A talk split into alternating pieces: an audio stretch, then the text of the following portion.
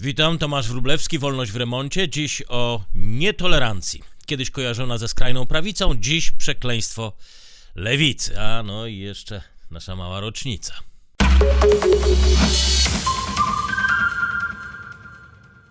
Nietolerancja zawsze kojarzyła nam się z łysolami ze swastyką, niektórym z facetami w białych habitach Ku Klux Klanu.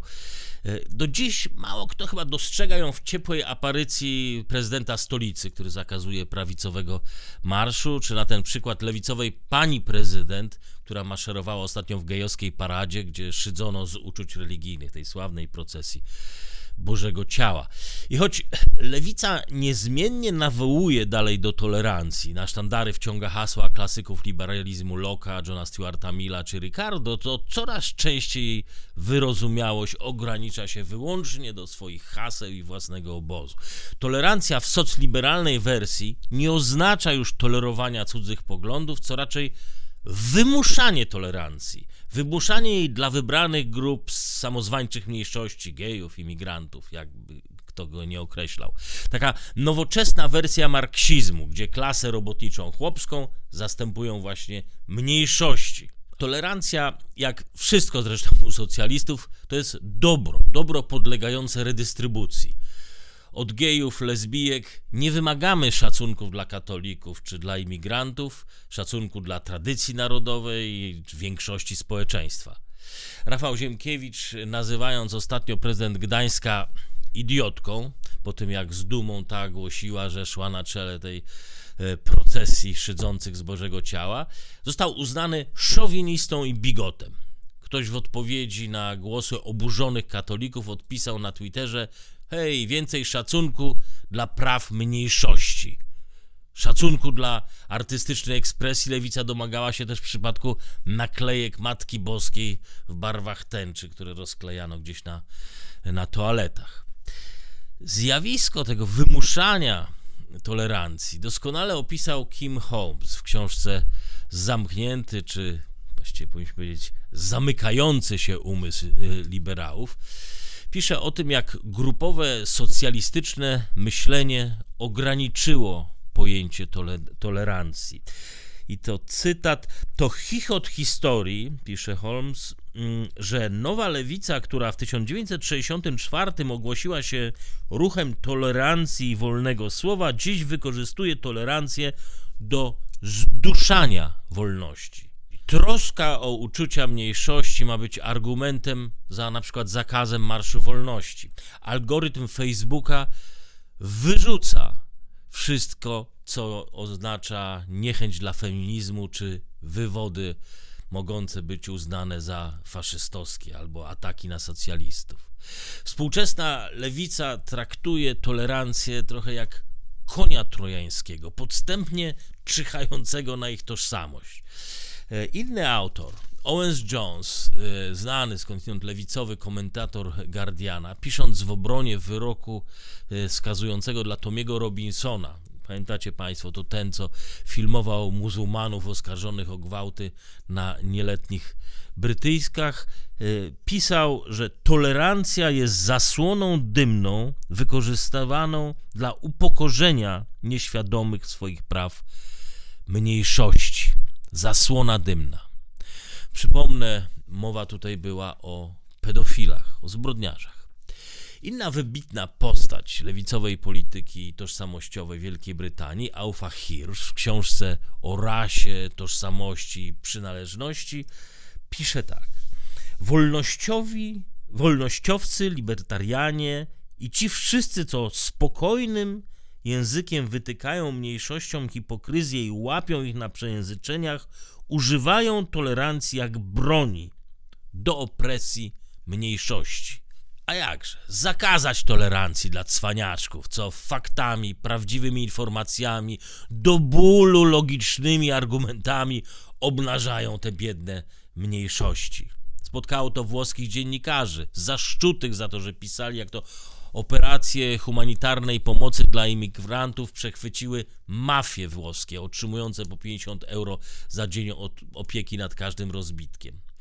Przy okazji ostatnich rewelacji Gazety Wyborczej o ziemi kupionej przez Morawieckiego od Kurii, na moje pytanie gdzieś tam wrzucone w Twitterze, ale gdzie jest tak naprawdę afera, gdzie jest złamane prawo, posywał się na mnie grom obraźliwych tweetów, żebym nie udawał głupka i nie, nie zasłaniał się przepisami prawa, bo przecież wiadomo o co chodzi. W Rosji Putin też działał zgodnie z prawem. Nieważny jest argument, licz się intencja albo domniemana zła intencja.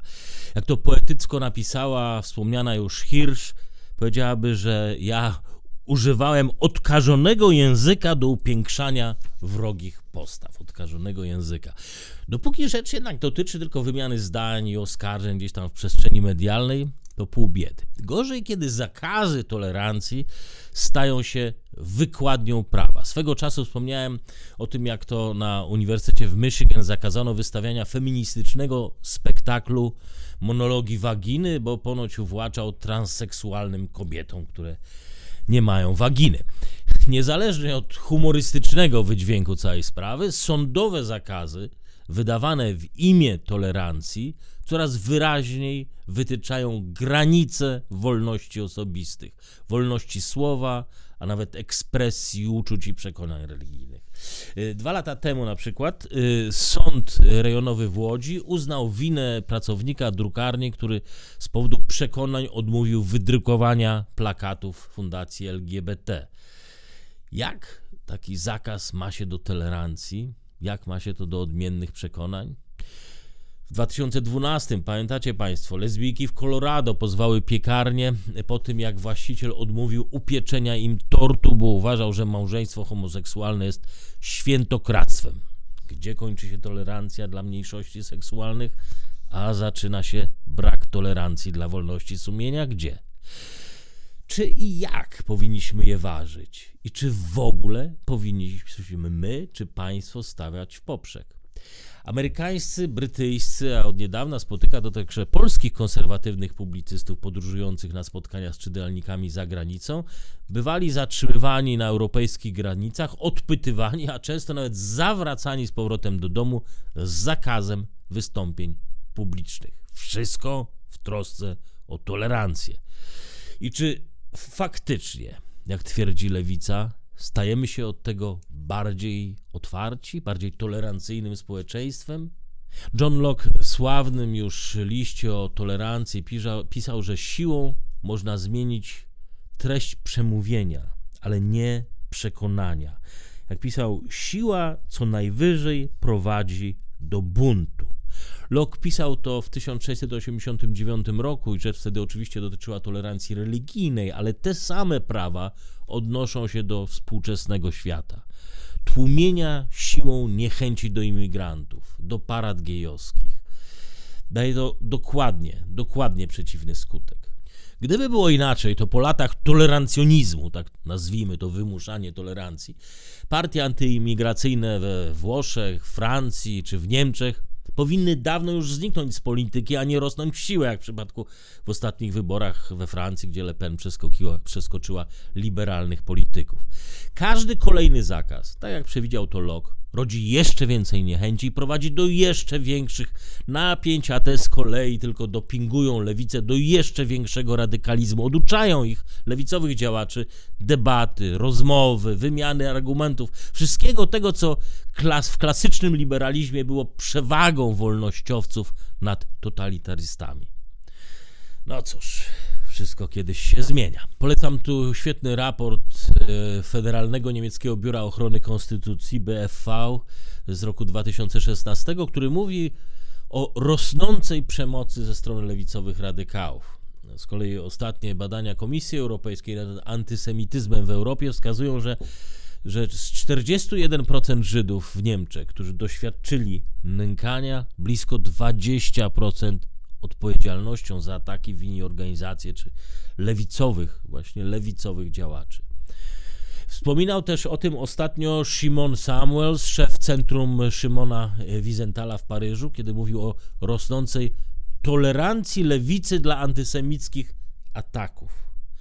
Tolerancja dla nietolerancji to też nowy fenomen Obserwujemy go na całym świecie. Dotyczy to lewicy po obu stronach Atlantyku.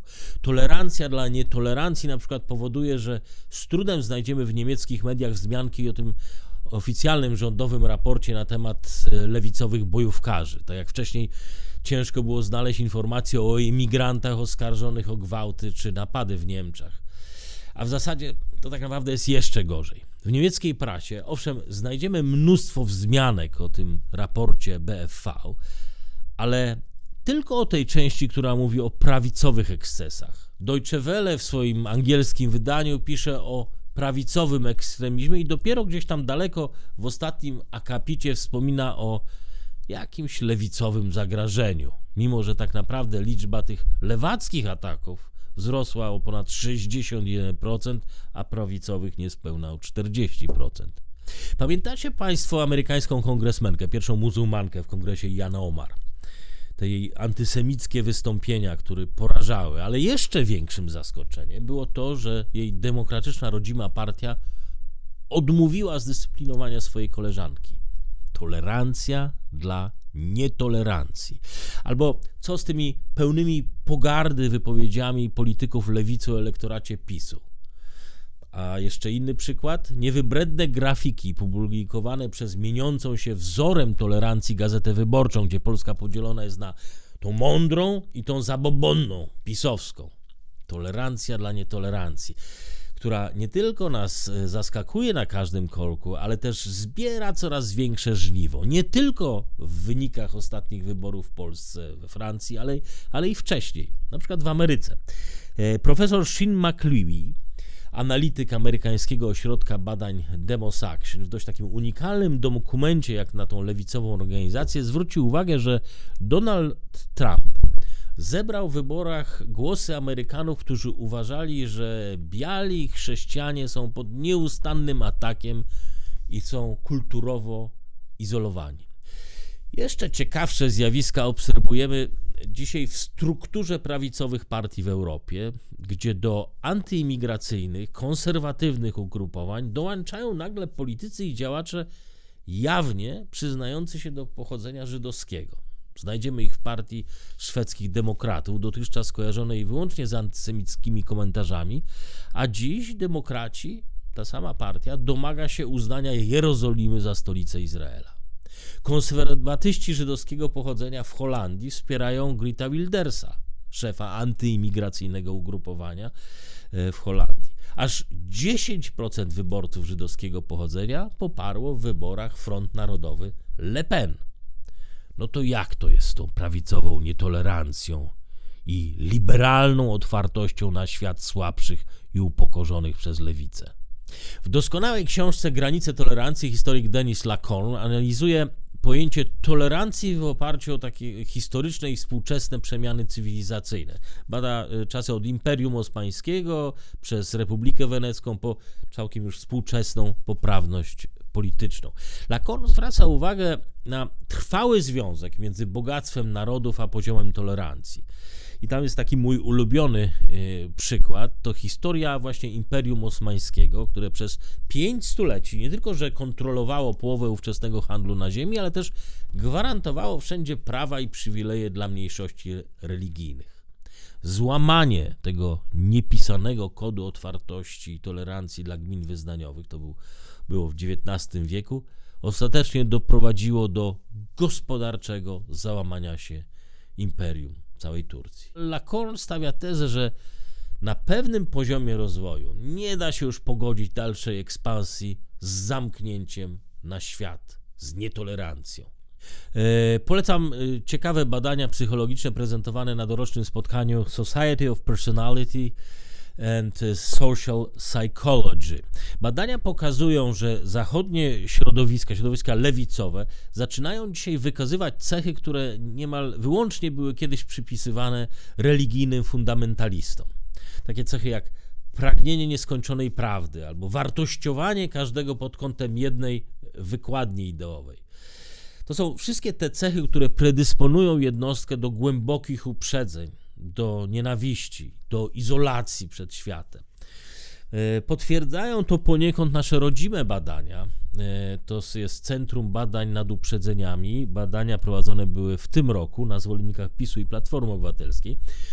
E, I okazuje się, że negatywne emocje wyborców opozycji są dziś silniejsze niż agresja czy wrogość płynąca ze strony PiSu.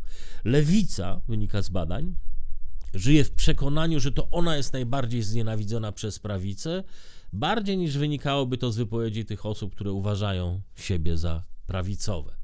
I to właśnie lewica częściej unika kontaktu z drugą stroną, izoluje się od prawicy, niż zwolennicy PiSu izolują się od PO. Wspomniany już Lakor na koniec swojej książki dochodzi do wniosku, że kurczące się granice tolerancji są pierwszą oznaką słabości państwa, cywilizacji, czy w tym naszym przypadku pewnie formacji politycznej. To jest cytat. Kiedy strach i izolacjonizm biorą górę nad tolerancją, to zwykle jest sygnał, że nasza kultura wchodzi w stan głębokiego kryzysu. Może to trochę brzmi górnolotnie, ale dla środowisk liberalnych w Polsce, może i w całej Europie, to faktycznie jest znak, że kończy się jakaś epoka. Wypala się koncept wciąż jeszcze popierany liberalnymi hasłami tolerancji i wolności, pod którym kryje się jednak już więcej goryczy izolacjonizmu niż otwartości, otwartości i uśmiechu, o którym tak chętnie wciąż mówią politycy lewicy.